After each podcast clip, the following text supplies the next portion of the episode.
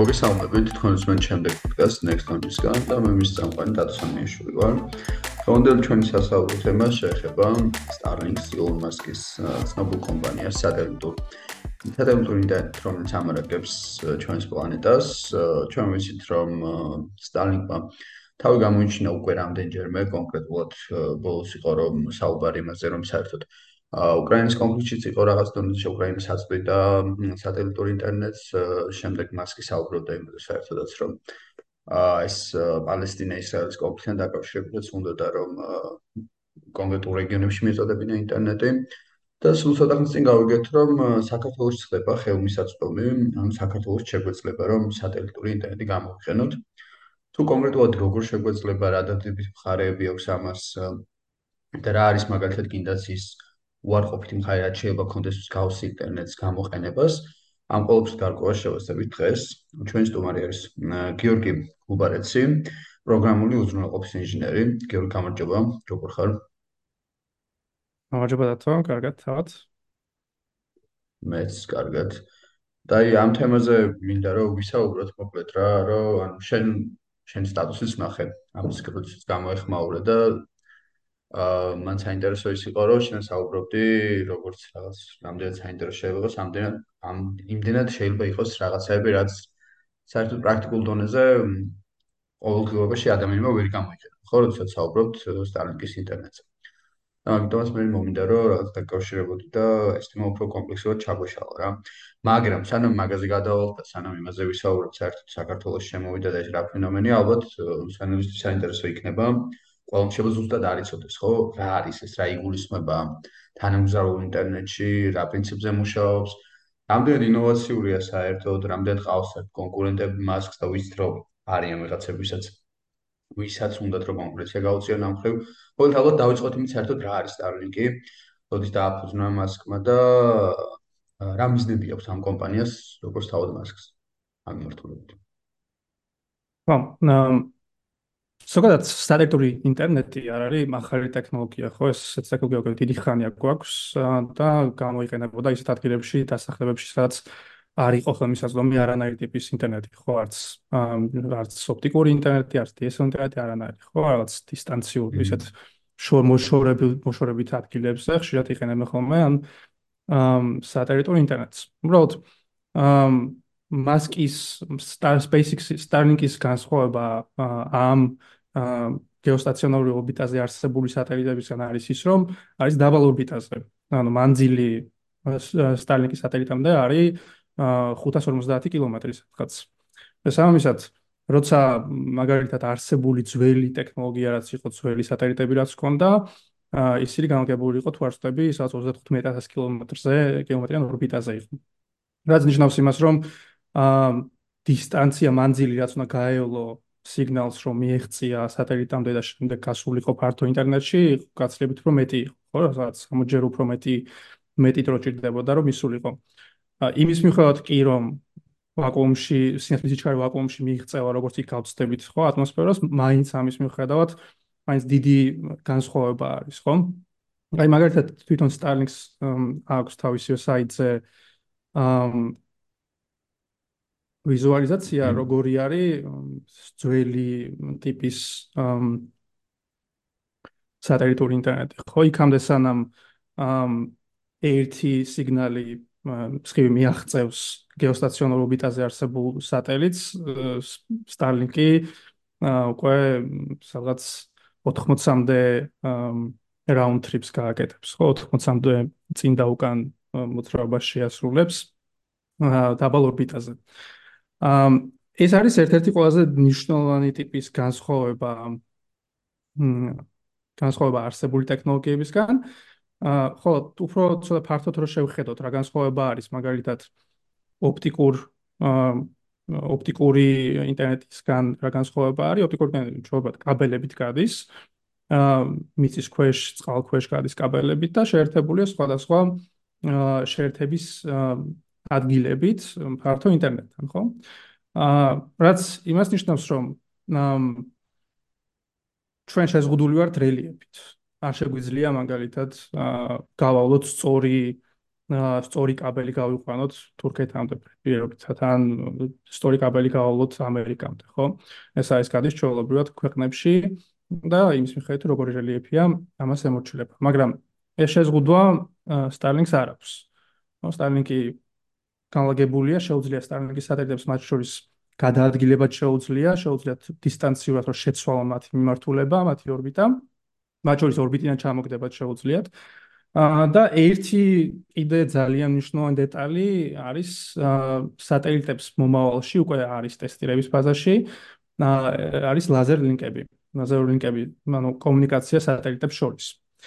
აა ჯერჯერობით თუ არ ვწდები ბეტა ფაზაში არის ეს ტესტირებას გადის და ძირთად გაკუნთუნილია მოშორებით ცხოვრები ადამიანებისთვის, მაგრამ როგორც კი სრულ ფაზაში შევა ამ როგორც გამოვა ტესტირების ფაზიდან სატელიტებს შეიძლება ერთმანეთს შორის გადასცენ სიგნალები. ამ დღეს მაგალითად Starlink-ი მუშაობს ასე რომ შენი აა სახლიდან, თეფშიდან სიგნალი გადაეცემა Starlink-ის სატელიტს უახლოეს, რაც ჩანს შენი თეფშისთვის და შემდეგ ground station, სახმელეთო სადგურს, რომელიც უკვე აკავშირებს ამ რომელიც უკვე რომელსაც გაყავს ეს პაკეტი უკვე დანიშნულების სადგურზე კაბელებით, ჩვეულებრივ არსებული ინფრასტრუქტურით, მიწაზე არსებული ინფრასტრუქტურით. სამომავლოში შეიძლება პირობითად სრულად გადაადგილდეს აა სრულად გადაადგილდეს ლაზერ სატელიტებს შორის. აა ალბათ ყველაზე ესეთი ყველაზე დიდი ბენეფიტი რაც შეიძლება რომ მოგცეს ამან არის ერთი დაუსახლებელ ადგილებში, ნაკლებად დასახლებულ ადგილებში გვექნება საკმაოდ კარგი ხარისხის ინტერნეტი, იმასთან შედარებით რაც დღეს გვაქვს. იგივე საქართველოს რო ავიღოთ, საქართველოსში რეგიონებში, ბევრ რეგიონში ოპტიკური ინტერნეტი საერთოდ არის ხელმისაწვდომი. აა მობილური ინტერნეტი ბევრ მობილურ ინტერნეტს ბევრი სხვა უარყოფითი მხარე აქვს. მაგალითად, შეღწევადობა როგორია კედლებში და ასე შემდეგ, ხო, სიხშირეები როგორ მუშაობენ, მაგრამ Starlink-ს ბევრი ბევრი დამატებით მეთქი აქვს რომელიც ამ ამ ამ ამ ადამიანებისთვის ხარისხიან ინტერნეტის მიწვევას უზრუნველყოფს. და დამატებით დაბალი დაყოვნება მომავალში პოტენციურად. აა როგორც ვიცი მასკის მთავარი გეგმა არის რომ რადგან ჩვენ ინტერპლანეტარული აა ის უნდა გავხდეთ species არსებები უნდა გავხდეთ ხო სახეობა ამიტომ ესეც შეიძლება ერთ-ერთი ის რგოლი იყოს ამ ჯარში, რომელიც მოგცემს საშუალებას, რომ ეს გავაკეთოს და ნაჩვენს კომუნიკაცია გქონდეს სხვა პლანეტაზე მცხოვრებ ადამიანებთან მომავალში. მაგალითად მარსზე. ძალიან შორი თუნდაც მარსზე. თუმცა ეს ალბათ ძალიან შორი შორეული მომავალია, იმიტომ რომ ჯერჯერობით ყველაზე Starlink-ს Starlink-ის მოხმარებლების დიდი ნაწილი თუ არ ვთქვი 80% მაგალითად ამერიკაშია ხო. ჯერ ალბათ დედამიწა უნდა დავიფხროთ და მე მე ვიფიქროთ. ო, ნუ ისიც არის ცალკე რომ ეს თანამგზავრობის რაოდენობის რაოდენობას სულ ზრდიან ხო გაშვების მხრივ, ანუ თავიდან ნუ სულ რაღაც რამდენიმე წელია რაც დაიწყეს რეალურად 2019 იყო თუ არ მიშლება პილოტიც ეს ბავშვი 2019-2020 წელი იყო მაგ დროს ვაკვირდებოდი აქტიურად ამ გაშვებებს საკმაოდ ხშირი გაშვებები ქონდა თუ რაღაც კვირაში ორ კვირაში ერთხელ უშვებდნენ ხოლმე. ხა ბოლო დროს დიდად აღარ ვაკვირდები გაშვებას. თუ როგორც მახსოვს, რაღაც ჯამში რო დასრულდება, ეს კონსტელაცია რო დასრულდება, სადაც კონი 40000 სატელიტზე მეტი იქნება უკვე ორბიტაზე. ეგრე მახსოვს მე. ხო, ეხლა რამდენია ხო არის შემთხვევა დაახლოებით? არა, არ მახსოვს ნამდვილად. ალბათ არ მგონი თუ თუ არ ვწდები 2028 წლამდე არის გათვლილი ეს თლიანი აა დაფარვა და ალბათ ნახევრამდე იქნებიან მისულები. მაგრამ შეგვიძლია უცებ გავარკვიეთ. ხო. ხო, არა, ეგ ძალიან საინტერესოა, ანუ იდეაში რამ ეგ მაინტერესებს რა დაუშვათ აი ავედით თავის გეგმა, ავიდა თავის გეგმასთან, რაც არის საუბარი ეს 40000-თან აღწევზე, ხო? აა რამდენად დაბუსტავს ეს რეალურად Starlink-ის ინტერნეტის შესაძლებლობებს? რას მეველოდეთ იქნება რამე კარგად ეხა მათ შორის ვინც ეხლა იყენებს უკვე რაღაც დონეზე თუ არ ვწდები რამდენიმე მილიონი ადამიანს აქვს უკვე ეს მომსახურება ჩართული და აი მათთვის ფუნდამენტურ დონეზე რამე ესეთი გაუმჯობესება უნდა ველოდოთ ამას თუ დიდად არც არ ფერისით ასე ვთქვი. ერთი ეხლა ეხლა ნახე 4500 სატელიტი აქვს გაშვებული. შეიძლება 40000 ან დიდი რიცხვი იყო მაგრამ ეხლა ამ მომენტისთვისაც 4500 აქვს გაშვებული. აა რა შეიძლება ხო?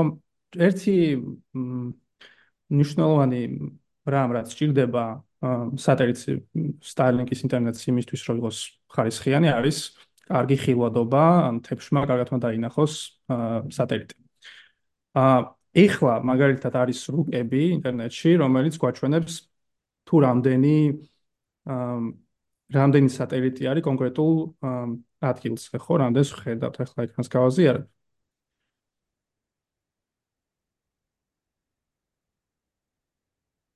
აი 12000 არისო დაგეგმილიო. აა ეხლა ვნახულობდი მეც ზუსტად და აა საბოლოო ჯამში უნდა ავიდეს 42000-ზე ესეთ ინფორმაციას. აა ნახულ პროცენტში და სერჩავ მაგას. ხო ეს ეს არის მაგალითად ეხლა ხო. აა ხო ეს არის მაგალითად სატელიტების რუკა, სტარნიკის სატელიტების რუკა. აა და აა ჩვენ ხედავთ მაგალითად რომ აი საქართველოსში სადღაც 3 სატელიტი ჩანს ხო საქართველოსიდან ალბათ ну შეიძლება ერთიც გამოჩნდეს გააჩნია რა ადგილზე იმყოფებით და როგორი field of view გაქვს ხო როგორი დიაპაზონი გაქვს ხედვის. აა ეხლა მაგალითად თუ შენი შენი თებში შეერთებული ერთ სატელიტთან და ეს სატელიტი გაქრა ხედვის არეალიდან ინტერნეტი გაიგარდება. ხო, რაღაც პერიოდი იქამდე სამ სხვა სატელიტი არ გამოჩნდება ამ ხედვის არეალში, ინტერნეტი აღარ იქნება.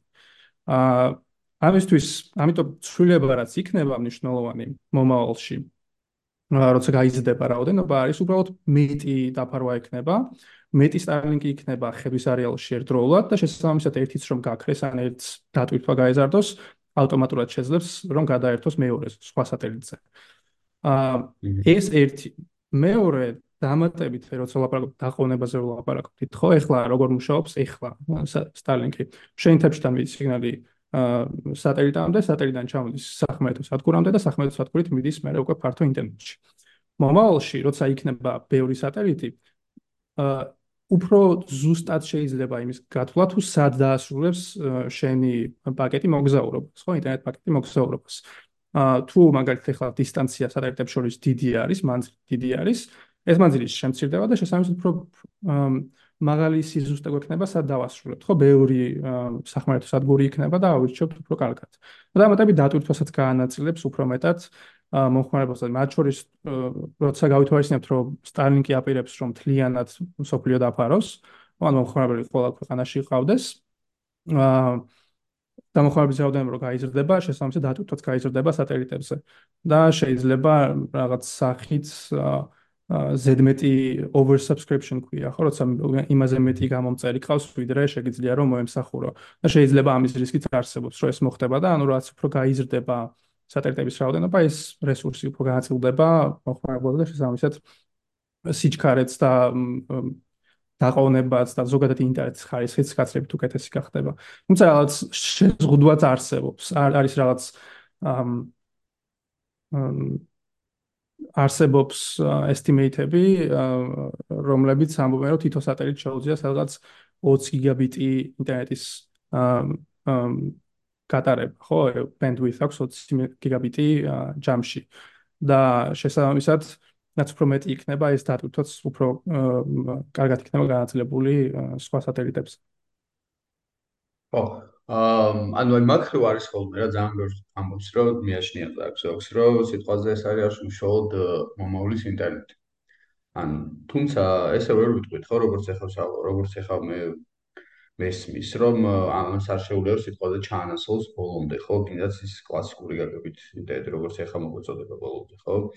და მაგ მხრივ საუბრობთ ასევე იმაზე რომ იქნება რაღაც სპეციალ არის არიან ადამიანები რომელსაც ისეთ რეგიონებში ცხოვრობენ, სადაც რთულად არის რთულია მიაწოდო ხო ეს ინტერნეტი იმ გაგებით, საკაბელო ინტერნეტი ასე შემდეგ და აი ეგ მინდა რომ უბრალოდ მაინც ბოლომდე დავაზუსტოთ რამ სვენელისთვის ანუ რა შეგვიძლია ვთქვა ანუ შეუძლია ესეთ ინტერნეტს გახდეს მაინც გლობალური და მასშტაბური თუ მაინც სპეციფიური იქნება და რაღაც თავის ჭრილი იქნება რომელსაც ამოავსებს ენდას კითხვა მე მე მგონი არა როგორც ყველა ტექნოლოგიაში ყველა ახალ ტექნოლოგიაში ალბათ პასუხი არის სადაც შუაში ხო არც ამ არც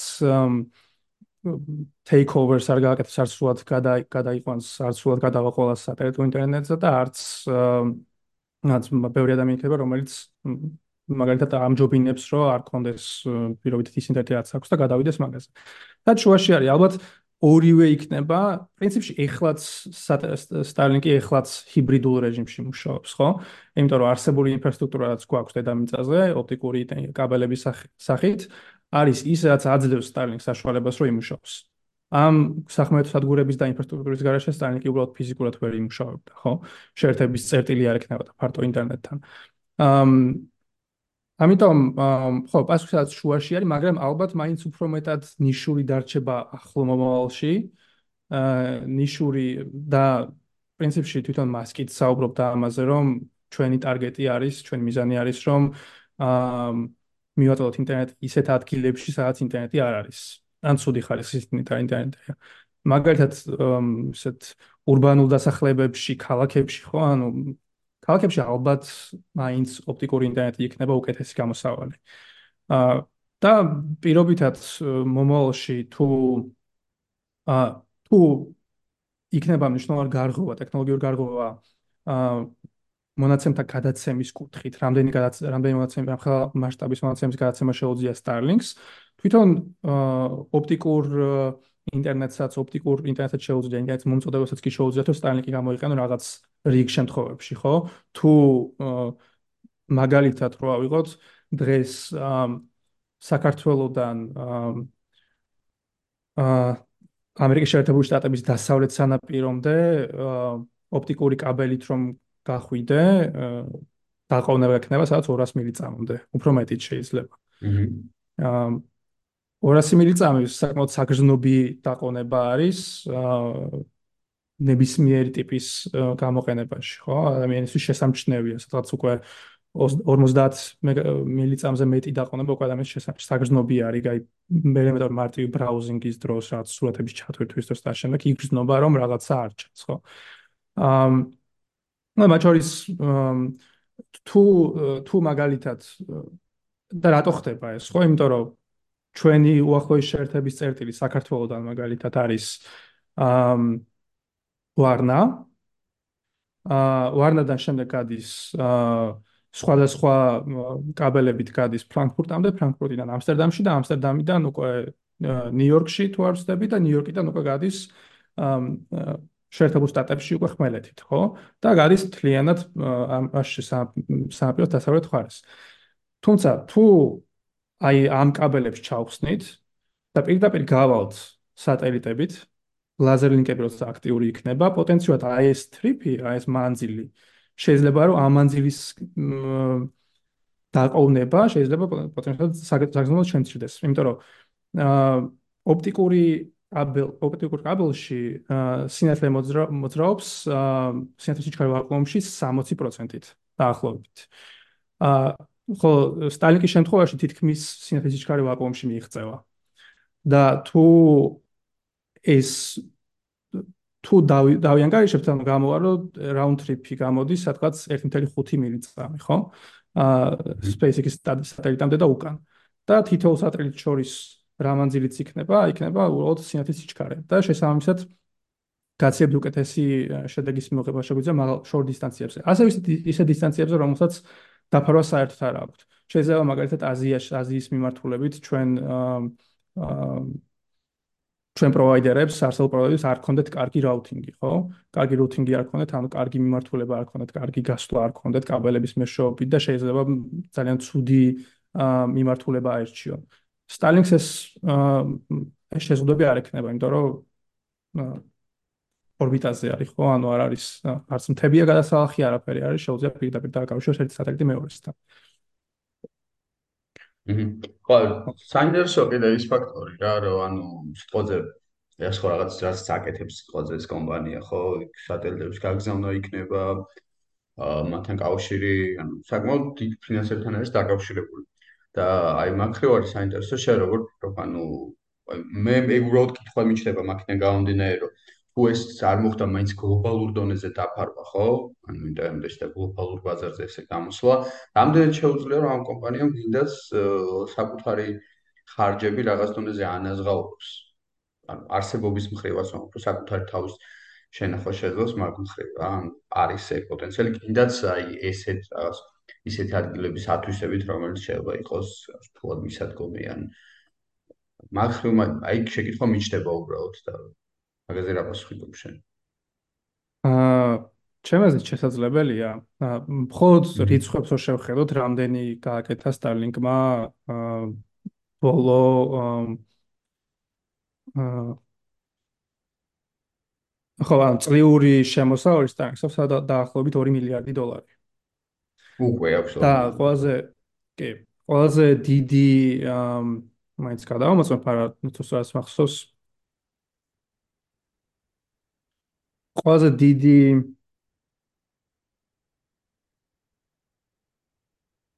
ანუ ეს ამაში თუ არსები გრანტებით შედის და სხვა რაღაცებიც მაგრამ ხო.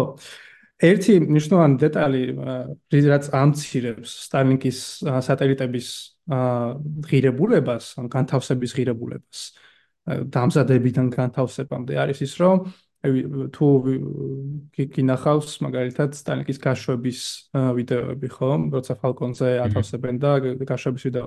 შეიძლება ლაპარაკობენ ხოლმე, რომ შეიძლება ამბობენ ხოლმე ამ ვიდეოებში, რომ ვაყოლებთ რაღაცას Starlink-ს. ან Starlink-ს ვაყოლებთ სხვა რაღაცას, ხო? Starlink-თან ვაყოლებთ რაღაცას. აა ამიტომ ეს რაღაც რაღაცნაირი სუბსიდირება არის, ხო? შეუძლია SpaceX შეუძლია რომ ვიღაც სხვა კლიენტის ტვირთი აიტანოს ორბიტაზე, გადაახტევინოს მას ფული ამაში, ხო, გააყოლოს და აა ხო, ხო გააყოლოს სატელიტი თავის. პრინციპში შეიძლება უფასოდაც კი გამოვიდეს, ხო? თავის სატელიტის განთავსება მათ. დამატებით მეორე რაც არის ის არის რომ SpaceX-მა რევოლუცია მოახდინა რაკეტის რაკეტების გაშვებაში. ხო, ამ დაბრუნებადი რაკეტები. ნუ, კარო ბრუნდება ეს გამშვება. კი, ამ დიდი დანაზოგი აქვს მას ამაშიც, რომ რაკეტების ამოღება შეუძლია და ხელახლა გამოყენება პრინციპში ულიმიტოდ, ხო? აა შეუძლი ნაწილებს და გამოიყენა იქამდე სადაც სადაც გინდა. აა ეს არის მეორე რაც ხარჯებს ამცირებს. მესამე აა ამერიკაში ძალიან ძალიან ბევრი ადამიანია, ეხლა სუსტი რიცხვი არ ვიცი, მაგრამ საკმაოდ ბევრი ადამიანი, რომელიც რომელსაც არ აქვს არ ინტერნეტზე წტომა. ზოგ საერთოდ არ აქვს, შეიძლება 1 მეგაბიტი კონდეს ინტერნეტი ან 10 მეგაბიტი, ხო? Starlink-ი პოტენციალურად მოგცემს 100 მეგაბიტ ინტერნეტს უკეთესი დაყოვნებით. ზოგს DSL-ი აქვს, ზოგს შეიძლება dial-up-იც კონდეს, ხო? ანუ ისეთი ბევრი ბევრი ტერიტორია, ბევრი ადგილია, ბევრი მოსახლე არის ამერიკაში, რომელსაც არ აქვს ესეთი ზოგადად არანაირი არანაირი ტიპის ინტერნეტზე წვდომა, ამიტომ მგონია რომ ამ მაინც შეძლებენ აი ამ ფაქტორების გათვალისწინებით შეძლებენ რომ უზრუნველყონ ამ ხარჯების დაფარვა და მოგებაზე გასვლაც აა და კიდე სხვა დამატებითი გამოყენებაც აქვს Starlink-ს. მაგალითად, თუ არსები T-Mobile-თან, ერთ-ერთ ამერიკულ ოპერატორთან Starlink-ს აქვს შეთანხმება, რომელიც აძლევს საშუალებას ადამიანებს, რომ მობილურის გამოყენებით, ჩვეულებრივი მობილურით გამოიყენონ Starlink-ის ინტერნეტი. ისეთ ადგილებში, მაგალითად, hiking-ზე წახვედი სადღაც, ხო? სადაც ინტერნეტი საერთოდ არ არის. ინტერნეტი კი არ შეიძლება. აი, ეგ უნდა მეთქვა, ხო? შეგიძლია ატარო, ხო, რაღაც დონეზე, როგორც მე მესმის, თან ატარო, სწორებული ინტერნეტი, ხო? აი, გასაგებია. აა, კი, ერთი არის, რომ შეგიძლია თებში გქონდეს, ანუ ეს არის RV recreation vehicles მანქანებით რომ მოგზაურობენ ამ ადამიანებისთვის არის ცალკე პაკეტი, ცალკე თებში არსებობს, რომელიც შეგიძლიათ დადგა მანქანაზე და გექნება ინტერნეტი მანქანაში მოგზაურობის დროს. ეს არის ერთი მეთოდი, მაგრამ მეორე რასაც აკეთებენ, მაგალითად მობილურ ოპერატორთან დათანხმებით არის ის, რომ მობილური ოპერატორები უზრუნველყოფენ მინიმალურ დაფარვას, მაგალითად 5G ანტენებით, ხო? აა და შემდეგ ამ ამ ანტენებით ეს ეს ანტენები ამ სადგურებზე სადაც განთავსებული იქნება ეს ანტენები დამატებით ეს ეს სადგურები გამოიყენებენ მაგალითად Starlink-ის ინტერნეტს. ანუ მობილურ ოპერატორს არ მოუწევს რომ მიიყვანოს კაბელი სადღაც დაუსახლებელ ტერიტორიამდე და შეგიძლია რომ მაგალითად აი მაგალითად რო აიღოთ თუ მაგთის უნდა რომ რაღაცა რომელიღაც საქართველოს სოფელში Starlink-ის ინტერნეტი გამოიყენოს და საერთოდ დაფარვა არ აქვს, ხო მობილური ქსელიც კი არ არის და არანაირი კაბელიც კი არ არის გაყვანილი, შეუძლიათ უბრალოდ სადგური ჩადგან კაბელის მიყვანის გარეშე დააყენონ იქ ერთი ანტენა, აა ფიჭური ანტენა და დააყენონ Starlink-ის სატელიტი და შემდეგ თლიანად მოსახლეობას მისცენ ინტერნეტი პირდაპირ მობილურით, ხო? და ესეთ სადგურები პრინციპში პოტენციურად შეიძლება რომ საბკონტრაქტორები ყავდეს Starlink-ის მომავალში, სადაც ერთ სოფელში მაგალითად პატარა რეგიონული ინტერნეტ პროვაიდერი იქნება, რომელიც აი ესეთი ტიპით ტიპით შეძლებს ესეთ მეთოდით შეძლებს რომ მიეწოს თლიან მოსახლეობას, სოფლის მოსახლეობას ინტერნეტი. აა ხო, ამიტომ გონია რომ ძალიან ბევრი გამოყენება აქვს ძალიან ბევრ სივრცეში შეიძლება შევიდეს Starlink-ი, ამიტომ აჰა. ალბათ მოგებაზე და შემოსავალზე პრობლემა არ ექნებათ. კი ბატონო. აა და იმას დავუბრუნდეთ რა, ეხლა რიოდეს ქართულ თემას. სულ ცოტა ხნის წინ რო გავაკეთე, რომ შეგიძლია გამოყენება, ანუ აა მაგ მხრივ რა შეგვიძლია ვთქვათ რა, ანუ ალბათ ბევრს გავუჩნდა შეკითხვები, რა სახით შეუძლიათ გამოიყენონ, როგორ შეუძლიათ გამოიყენონ, ანუ როგორც უნდა გამოიწერო ჯერ სპეციალური ტექნოლოგია ამისთვის და უკვე შემდეგ იწყებ ამის გამოყენებას, თუმცა საკმაოდ ძვირი ხდება. ну იქ ცალკე პაკეტი არის კომპანიებისთვის, კერძო პირებისთვის. მაგრამ აი რეალურად ეხლა თბილისში რო ადგეთ, აი მაგალითად ჩართო, აი პირობითად მე რო ჩართო, მე მგონი ამ ეტაპზე ყოველ შემთხვევაში საკმაოდ არაპრაქტიკული. ხო ეს? აი მაგაზე რა შეგვიძლია ვთქვათ? ეს ინტერესო. ხო, ალბათ არც გჭირდება თბილისში. ხო, თბილისში გაქვს აა საკმაოდ ბევრი პროვაიდერი ყავს, რამდენი მგონი სამი პროვაიდერია თბილისში, რომელიც ოპტიკურ ინტერნეტს გაწვდის, ხო, მაღალი ხარისხის სტაბილურ ოპტიკურ ინტერნეტს გაწვდის. აა, ამიტომ თბილისში არ დაგჭირდება. გაცილებით უკეთეს ინტერნეტს მიიღებ ოპტიკური ინტერნეტით, ვიდრე მაგალითად ეხლა Starlink-ი მოგაწოდებს. მომავალ შეიძლება შეიცვალოს, არის გამორიცხული, მაგრამ ალბათ მაინც უფრო მეტად უკეთესი იქნება, მაინც უკეთესი იქნება რაღაც კუთხით ოპტიკური ინტერნეტი, იმიტომ რომ უფრო სტაბილურია. ხო, ანუ კაბელში გარეთახის გარდა სხვა პრობლემა სხივს არ აქვს, ხო? კაბელში ერთ-ერთი პრობლემა რაც არის, ის არის, რომ ფიზიკურად შეიძლება კაბელი დაზიანდეს. აა, მაგრამ Starlink-ის შემთხვევაში როცა საუბრობთ HR-ზე, ბევრი პოტენციალად ბევრი რაღაც შეიძლება მოხდეს, ხო? არის შეიძლება აა აა ცუდმა ამინდმაც კი უკეთესი ინტერნეტი მოგაწოდოს, რაღაც შეიძლება ინტერფერენცია იყოს აა რაღაც ტალღების, ხო? რაღაც ხშირეებზე აა შეიძლება საერთოდ ხილვადობა არ გქონდეს შენი სახლიდან კარგი, ხო? ან სტარლინგს ჭირდება, სტარლინგს თებს ჭირდება, რომ კარგი ხილვადობა გქონდეს ცის იმისთვის, რომ დაიჭიროს რამდენიმე სატელიტი და ინტერნეტის წვეთა არ გქონდეს, მაგრამ აი თბილისში корпуსში როგორისა, მაგალითად მაგას ხო, მაშინ სახურავზე უნდა დააყენო და მაშინ ამ თლიანად ამ თლიანად სახურავი გადაივსება მაშინ ხო? სტაინგის სატელიტებით, მათ შორის იქიდანაც უნდა წამოიღო და თებშებ შორისაც ალბათ შეიძლება გაჩნდეს რაღაც ტიპის ინტერფერენცია თუ ახლოს იქნება განლაგებული ეს თებშები.